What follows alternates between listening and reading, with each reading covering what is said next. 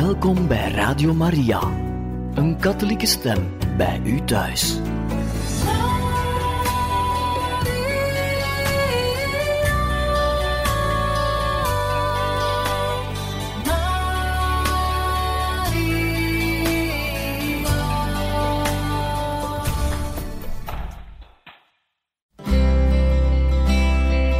Welkom bij Boekat, een programma van Radio Maria.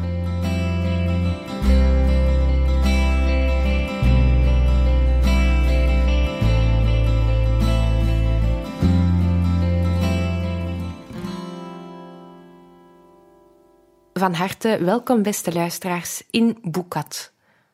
Momenteel lezen we uit een boek geschreven door Albino Luciani, de latere paus Johannes Paulus I, die in zijn tijd als patriarch van Venetië de ongewone opdracht had aangenomen om iedere maand een brief te schrijven aan een beroemde persoonlijkheid in de periodiek Messaggero di San Antonio. We lezen er nu verder uit. Aan Carlo Goldoni. Carlo Goldoni, beroemd Venetiaan blijspelschrijver, leefde van 1707 tot 1793. Eerst advocaat, gaf daarna zijn beroep op om zich aan het toneel te wijden. Zijn werk omvat meer dan 120 comedies, waaronder De Herbergierster, Het gezin van de antiquair, De Lomperike, Het pleintje, Krakeel in Chioggia. En voorts de autobiografische memoires, geschreven in het Frans. Hij was een vernieuwer van het toneel, bereikte een gelukkig evenwicht van moralisme en realisme, van boeiende vertelkunst en een typering van de maatschappelijke verhoudingen binnen de opkomende middenstand uit die dagen. De feministen en de baard van de heilige Vilgefortis. Beste Goldoni, ik had de gelegenheid eind augustus van dit jaar, 1974, uw Irustegi, de lomprikken, en kort daarna de getemde fakes van Shakespeare te zien. U zou er niet aan gedacht hebben, maar onwillekeurig kwam bij mij toen de tegenstelling op.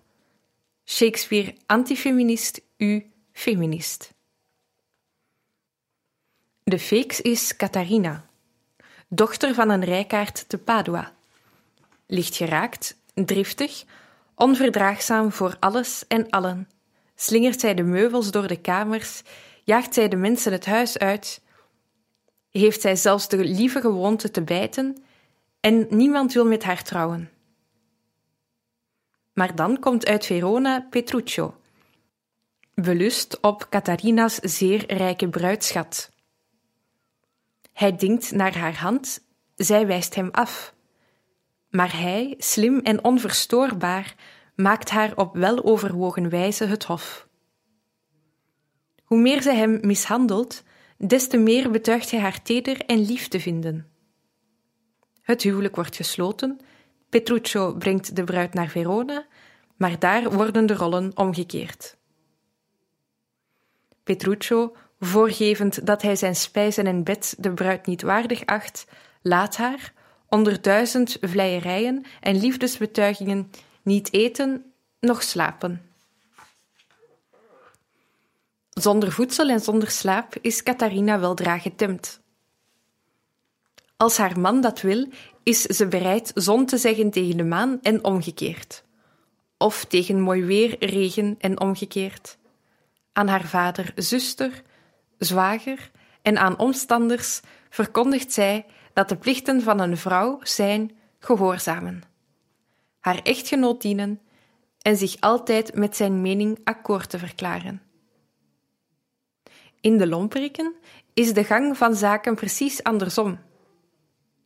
Vier mannen beginnen als de temmers, maar blijken als het uit is de getemden. Hun verloofden? Laat ze thuis blijven, niemand zien en niets weten. De dochter van Leonardo, een van de vier.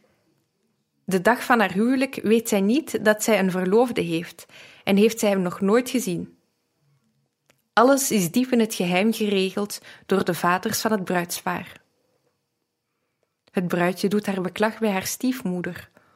O, mij, stakker, waarom kom ik nooit buiten de deur? En hij wil zelfs niet dat ik ook maar een ogenblikje op het balkon ga. Maar dan gaan de vrouwen over tot verzet, met aan het hoofd de ondernemende zuster Felice. Nadat deze het geheim van de aanstaande trouwerij ontdekt en aan de anderen doorverteld heeft, bereidt zij de vier Roesteghi een pijnlijke verrassing. Om tenslotte hun laatste weerstand te overwinnen met een pleitrede, een advocaat waardig, waarmee zij de heren volkomen overdondert. Het viertal, meer overmeesterd dan overtuigd, moet bekennen dat vrouwen en dochters niet getemd dienen te worden, maar aanhoord. En dat, als de mannen hun het woord niet geven, zij het zelf toch nemen. Bij de twee visies, die van Shakespeare en die van u, beste Goldoni, gaat mijn voorkeur uit naar de uwe. Zij is menselijker, juister, dichter bij de werkelijkheid van toen en van nu.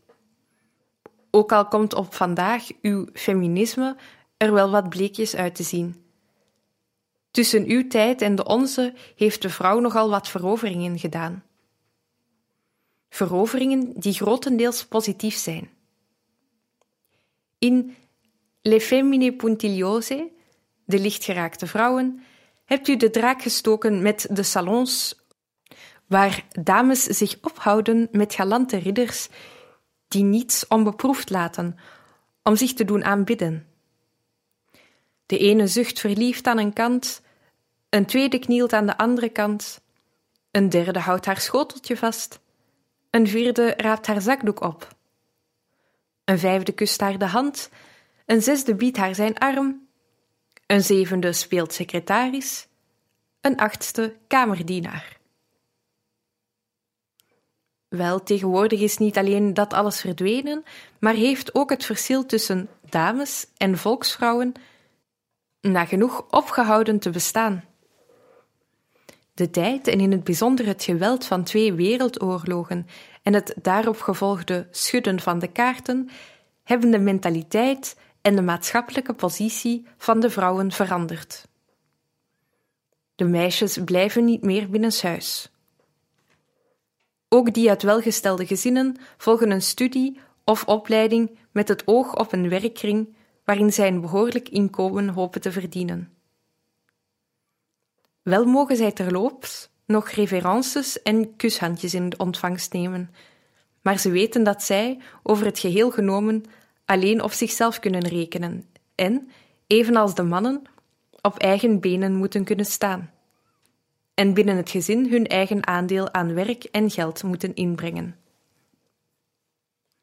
Evenals in uw tijd bezitten zij ook nu nog rijke gaven van intuïtie en gevoel.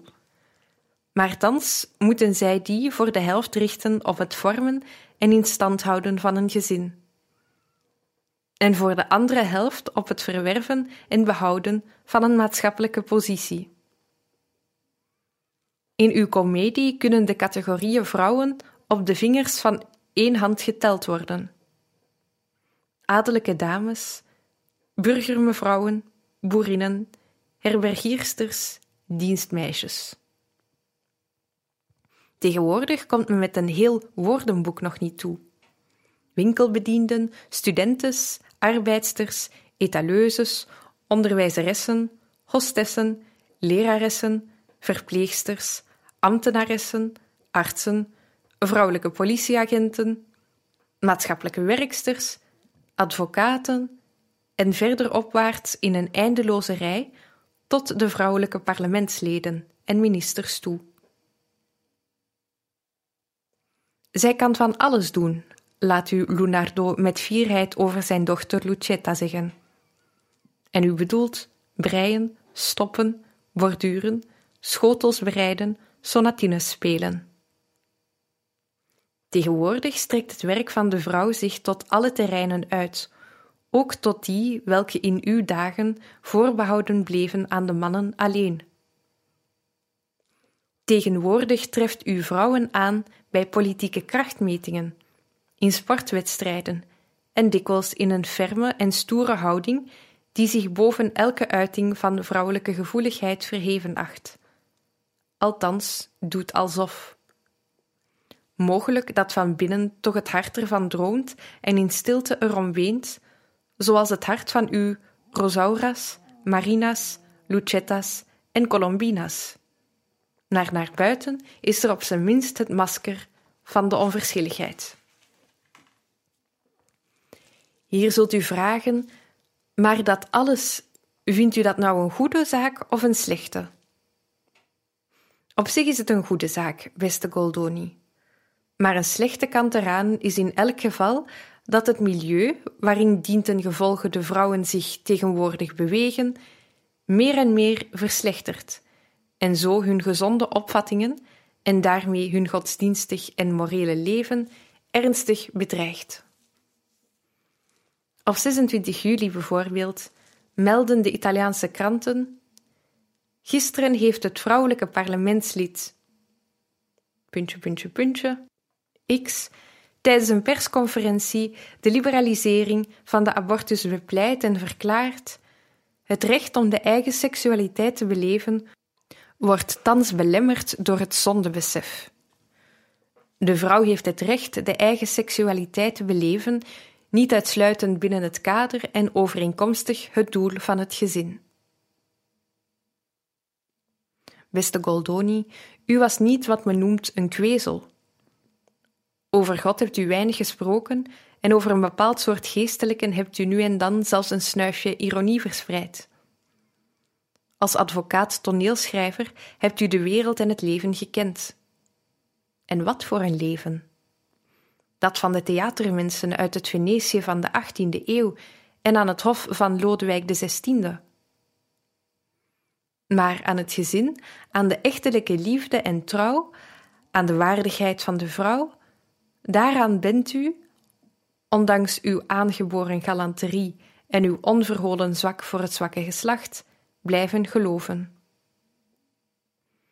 Uw puta honorata, eerzame meisje, en buona madre, goede moeder, en filia obediente, gehoorzame dochter, en zelfs uw vedova scaltra, schalkse weduwe, schalks inderdaad, maar met het oog op een eerzaam tweede huwelijk, zou het schaamrood naar de kaken gestegen zijn als de praat van het hierboven geciteerde parlementslid hadden moeten aanhoren.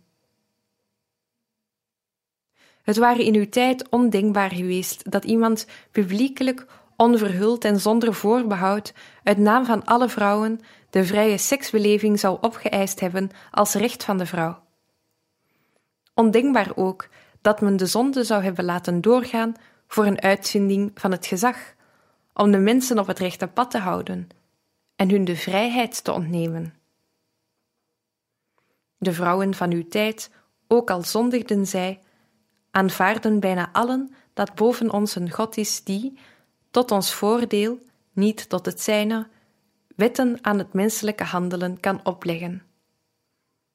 Maar tegenwoordig, ik vraag me af hoeveel vrouwen akkoord gaan met de stelling van het parlementslid. Ik hoop dat zij niet talrijk zijn, maar ik weet het niet. Zouden ze toch talrijk zijn, dan zouden we niet met een vooruitgang van het feminisme te doen hebben, maar met een ineenstorting van de vrouwelijkheid en de menselijkheid. U hebt het parlementslid gehoord. Tot de verheffing van de positie van de vrouw eiste zij ook geliberaliseerde en gelegaliseerde abortus. Maar zal het waarlijk een verheffing zijn?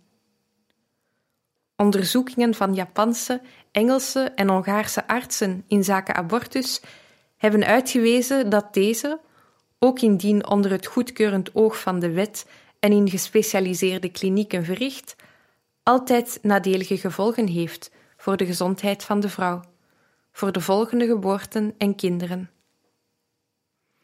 Psychologen en psychiaters signaleren van hun kant andere slechte uitwerkingen. Deze blijven volgens hen doorgaans sluimeren in het onderbewustzijn van de vrouw die een abortus liet uitvoeren en komen naderhand in moeilijke situaties weer naar boven.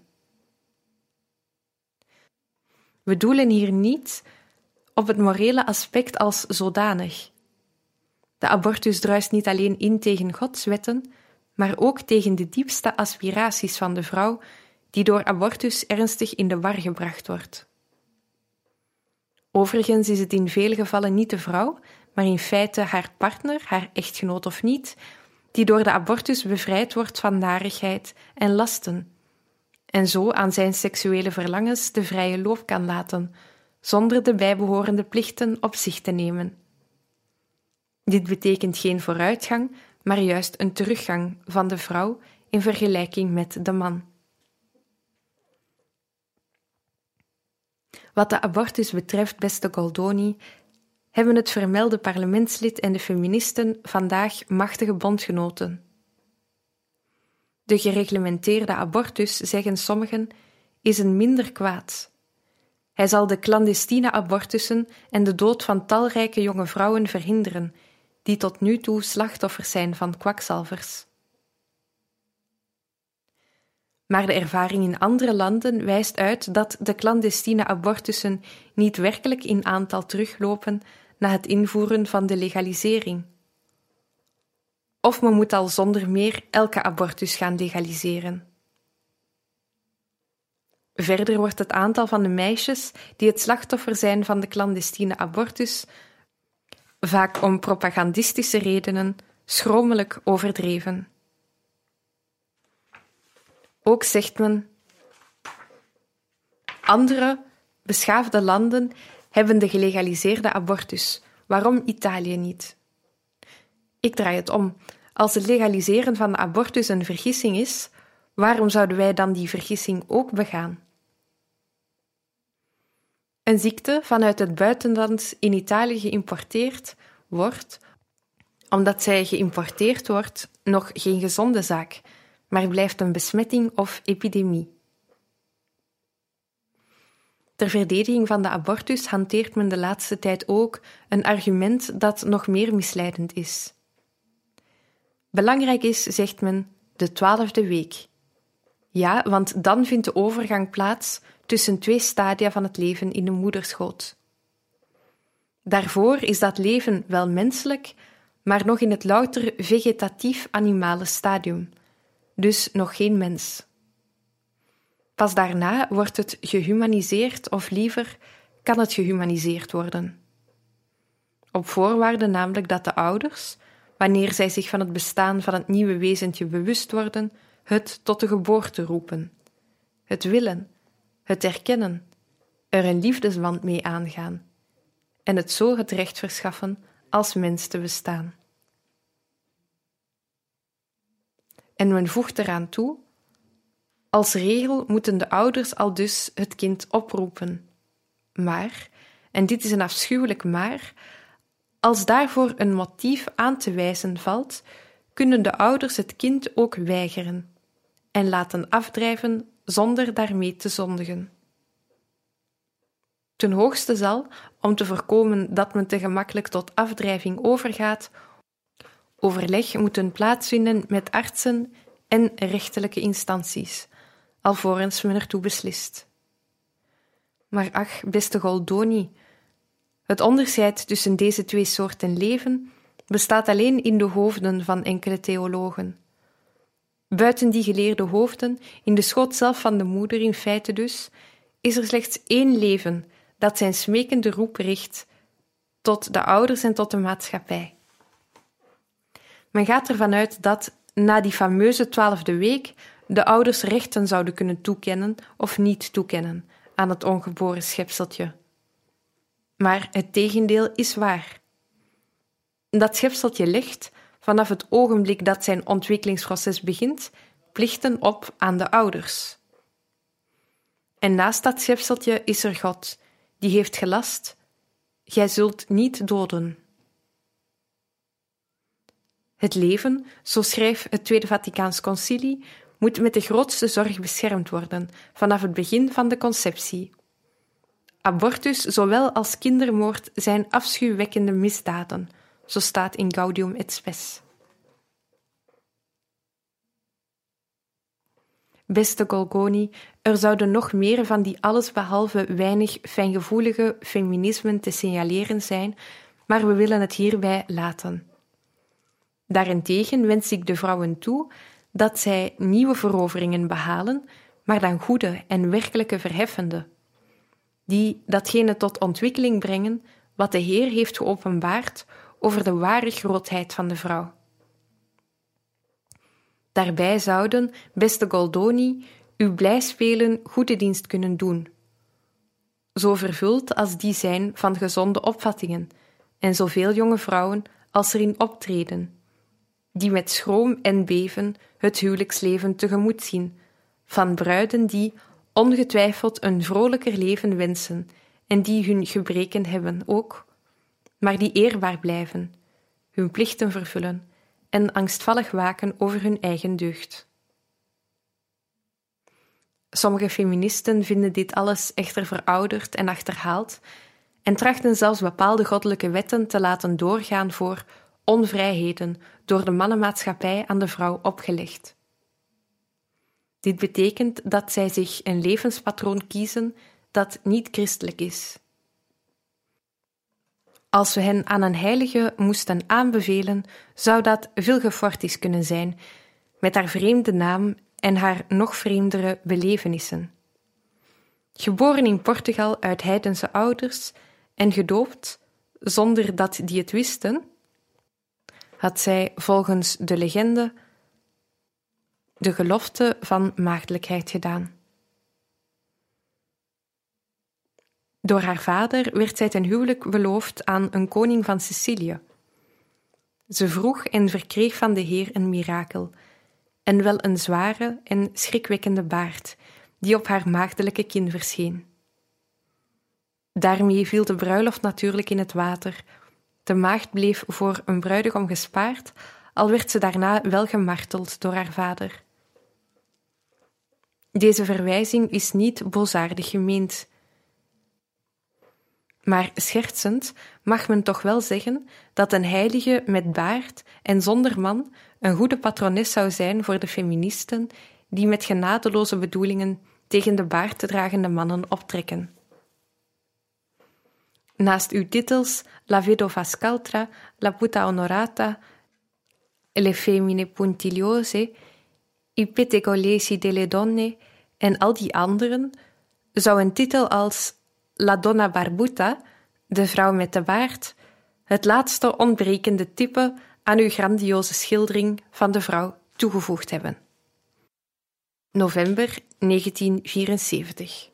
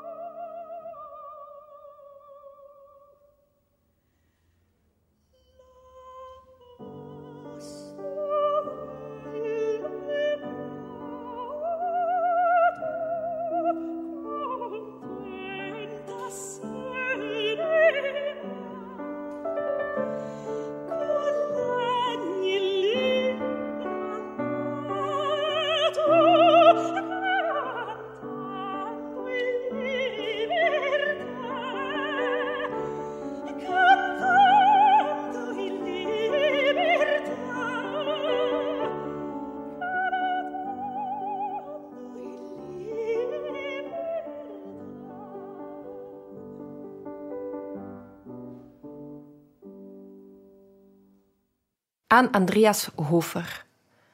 Andreas Hofer, Tirols patriot, werd geboren te St. Leonard in het Passaiertal in 1767 en doodgeschoten te Mantua in 1810.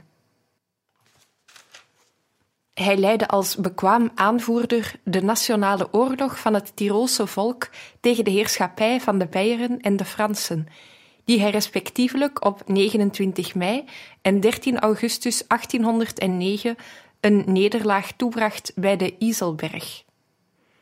Hij werd verraden en gevangen genomen door de Fransen en Napoleon liet hem fusilleren. Behalve ongetemde partizaan was hij een christen uit één stuk.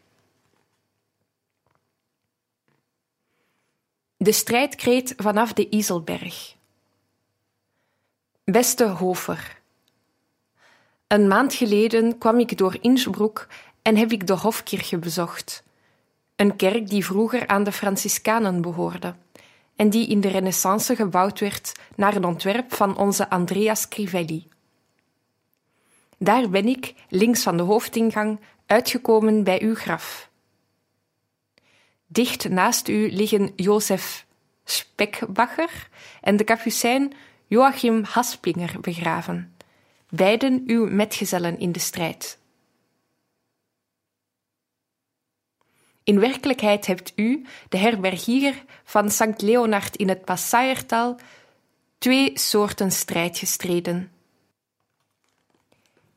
Eerst bent u regulier soldaat geweest in de oorlog tegen de Fransen in 1796 en in 1805.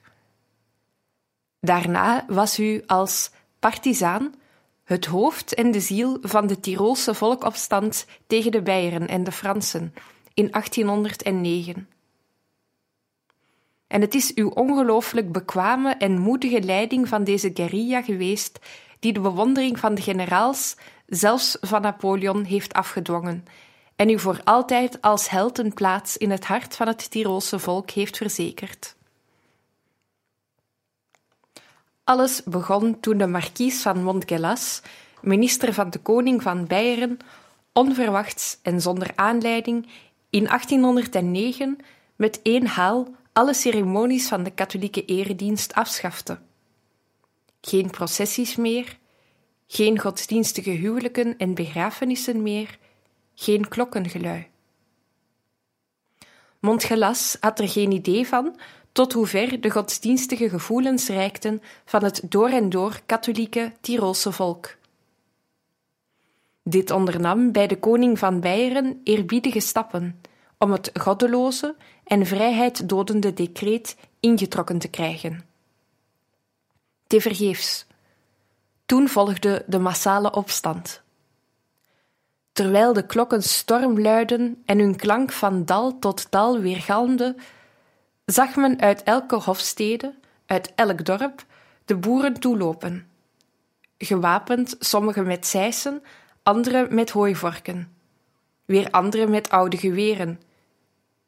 Uw reusachtige gestalte, met machtige en besliste stem en met indrukwekkende zwarte baard, rees boven allen uit. Tweemaal werd het Beierse leger verslagen toen ter versterking de Fransen en de Saksen met tienduizenden aanrukten. Konden de uwen niet anders dan zich als leger ontbinden en tot de guerrilla overgaan. Ook toen, zoals later bij het Italiaans verzet, trok men de bergen in. Helaas waren er twee ongelukkigen die u voor de gebruikelijke dertig zilverlingen verrieden door de Fransen ontdekt in de hut waarin u zich verborgen hield, zei u: Doet met mij wat u bevalt, maar eerbiedig de onschuld van mijn vrouw en mijn kinderen. De vice-koning Eugène wilde u gratie verlenen. Napoleon beval u te fusilleren. Te Mantua, voor de executie, hebt u als een patriarch de gezellen gezegend die rondom u geknield waren de blinddoek weigerde u, en vier overeind staande hebt u het salvo afgewacht. Op het plateau van de Iselberg bij Innsbruck hebben ze een standbeeld voor u opgericht. Het voetstuk draagt het inschrift voor God, voor keizer, voor vaderland. De keizer daargelaten, zou ik willen dat binnen en buiten Tirol uw heldhaftigheid, die nobel was en christelijk tegelijk, inspirerend zal werken. Laten we elkaar niet misverstaan. Ik ben niet uit op een guerilla. Ik ben ervan overtuigd dat zoiets, zeker in het democratische Italië, niet nodig zal zijn. Maar uw christelijk geloof, helemaal uit één stuk, de samenhorigheid van het volk die u met Haspinger tot stand hebt weten te brengen in het uur van het gevaar, die dingen, ja, die zou ik wel willen, van ganser harte. De profeet Elias zei tot het volk: Hoe lang nog zullen jullie op twee benen hinken? Als de Heer God is, volg hem dan. Als het daarentegen Baal is, volgt hem. Hij wilde dat ernstig een keuze zou gedaan worden. Hij gaf te verstaan dat men, om tot God te gaan, zich moet losmaken van het kwaad en niet moet proberen op twee stoelen tegelijk te zitten, noch ook moet blijven aarzelen tussen de twee. Onze Trilusa heeft hetzelfde gezegd, namelijk: Geloof in God, Vader Almachtig, maar wanneer je twijfels hebt, taal er niet om. Het geloof is mooi, zonder het is het wel waar. Zonder het hoe en zonder het waarom. Het is het wel waar, het hoe en het waarom waren geen brood voor de tanden van uw Tirolers. Daarboven in de bescheiden herberg aan zand, die door u gedreven werd, speelden zij, dronken zij, vermaakten zij zich, discussieerden zij. Maar teruggekeerd naar hun huizen, baden zij het avondgebed met het gezin. Als zij naar de zondagsmis gingen, stonden zij stil bij het graf van hun doden op het kleine, heel smalle kerkhof rondom de kerk. De omgeving, de vrome tradities, de overvloed van tijd bevorderden het nadenken. Het nadenken ontwikkelde die overtuiging die de schilder Eggerliens doeltreffend heeft uitgedrukt toen hij de Tirolse partizanen schilderde, in gesloten formatie ten strijde trekkend, met voorop Haspinger, het kruis in de hand. Ons ontbreekt het, bij het koortsachtig levensritme van tegenwoordig, aan de rust en gelegenheid om na te denken. Dit is wel een van de oorzaken waarom zoveel het niet meer zien zitten.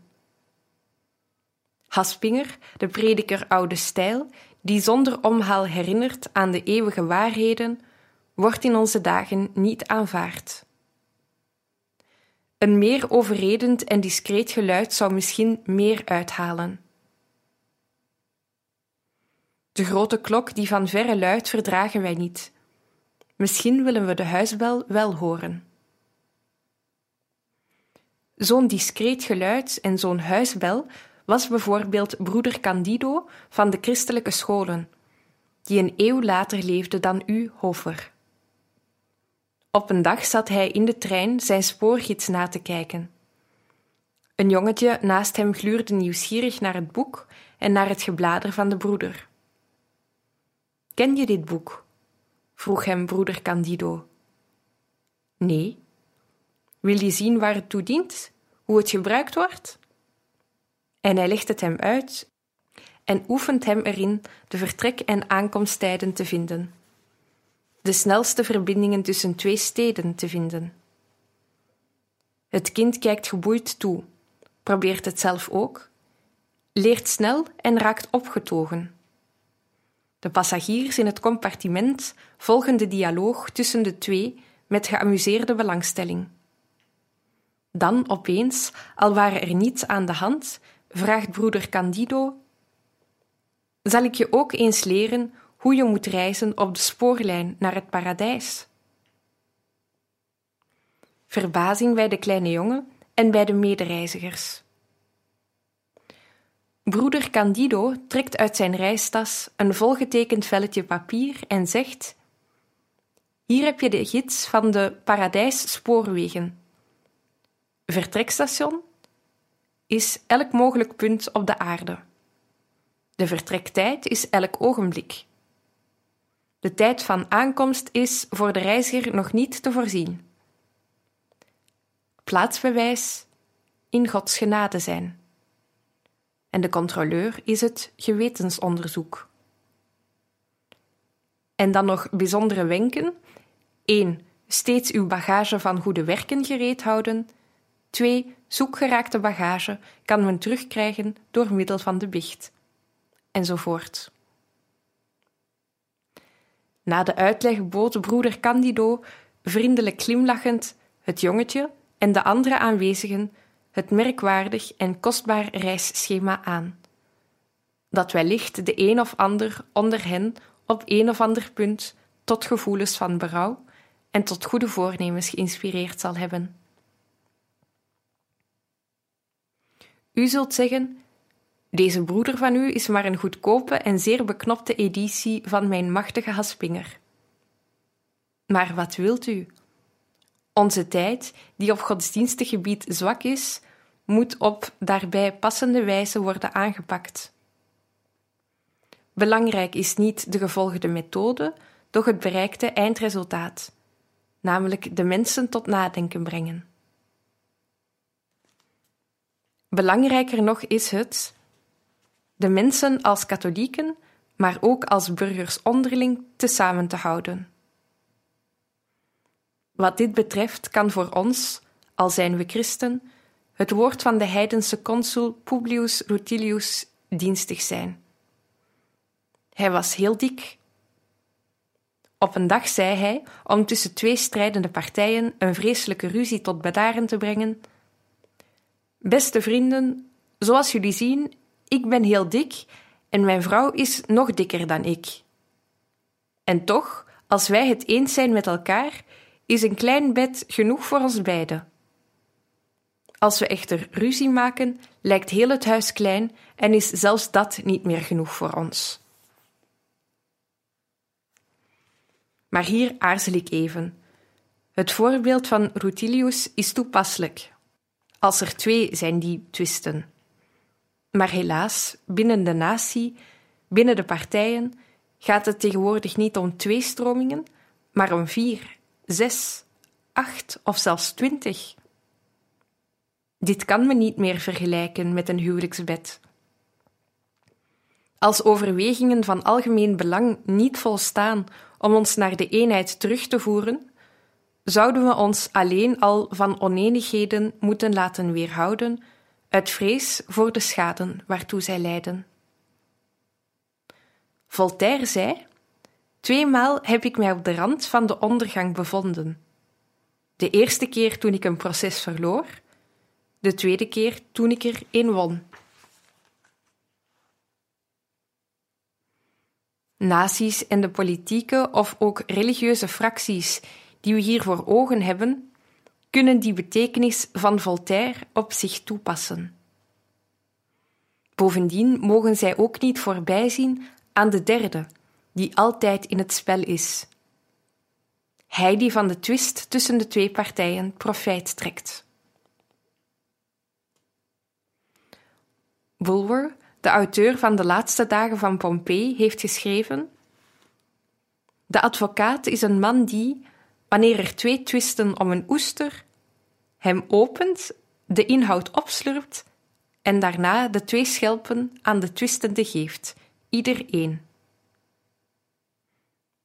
Dit klinkt wat onvriendelijk tegen advocaten, maar toch is het van ouds en op elk gebied waar dat de kracht van onze tegenstander ligt in de zwakheid waartoe wij door onze verdeeldheid vervallen. Dit geldt tot op zekere hoogte ook voor de katholieke kerk. Haar stichter, Christus, heeft zich over zo'n verdeeldheid al zorg gemaakt, en daarom heeft hij een stevig fundament voor de eenheid gelegd. Hij sprak: Ik wil dat mijn volgelingen één zijn dat zij één schaapstal uitmaken. Om dit te bereiken heeft hij uit de menigte de twaalf gekozen, van wie hij zei: Wie u hoort, hoort mij. En omdat hij ook tussen de twaalf en daarna tussen hun opvolgers verdeeldheid voorzag, heeft hij gewild dat een van hen als hoofd of als oudste broer zou fungeren. En sprak hij tot Petrus: Wijd mijn lammeren en sterk uw broeders. Dit is dus het middel. Als de gelovigen, de priesters, de religieuzen en de bisschoppen zich samen maar rond de paus blijven scharen, dan kan niemand de kerk uiteenslaan. Uw kapucijn, Haspinger, beste Hofer, wist deze dingen. Zelfs heeft hij ze van dichtbij meegemaakt. In de tijd van uw Tiroolse opstand liepen verschillende bisschoppen uit angst of belang over naar de kant van de oppermachtige Napoleon.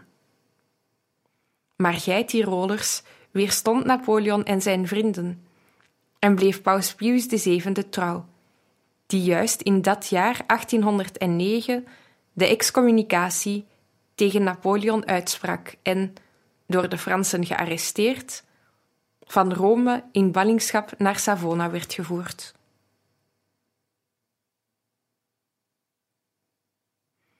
Dit zijn allemaal zaken die we in herinnering moeten houden, die we opnieuw moeten verwezenlijken, om aan de ontelbare twisten die zo vermoeiend zijn en zoveel ergernis veroorzaken, een eind te maken.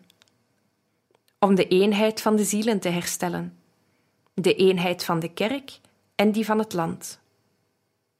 Voor God, voor vaderland, zoals geschreven staat daarboven op de Iselberg. December 1974.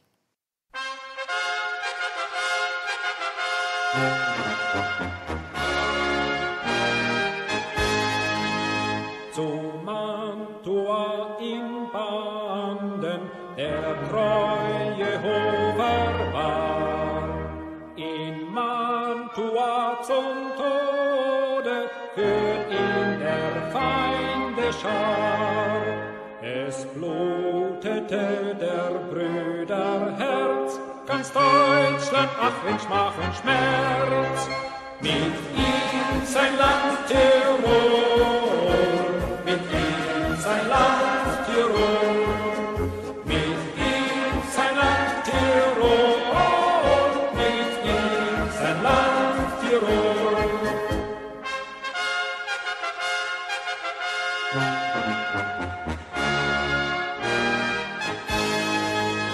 Die Hände auf dem Rücken, Andreas Hofer ging mit ruhig festen Schritten, ihm schien der Tod gering.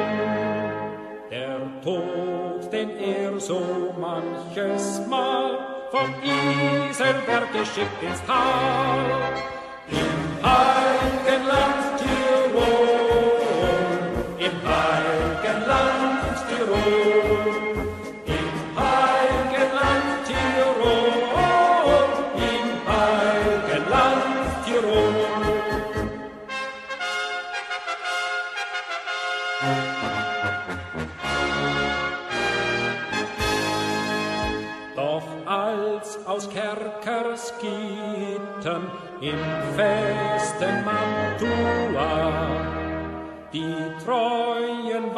Waffenbrüder die Händ erstrecken sah, da rief er laut, Gott sei mit euch, mit dem Verrat im deutschen Reich. Und mit dem Land Tirol und mit dem Land Tirol. Und mit dem Land Tirol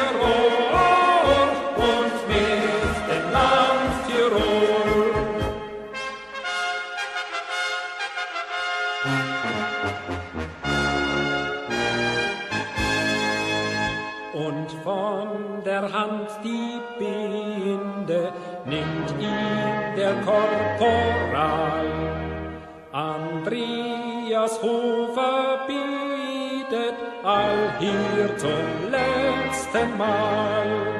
Dann ruft er laut, so trefft mich recht, gib Feuer, ach, wie schießt ihr schlecht. Ade, mein Land Tirol,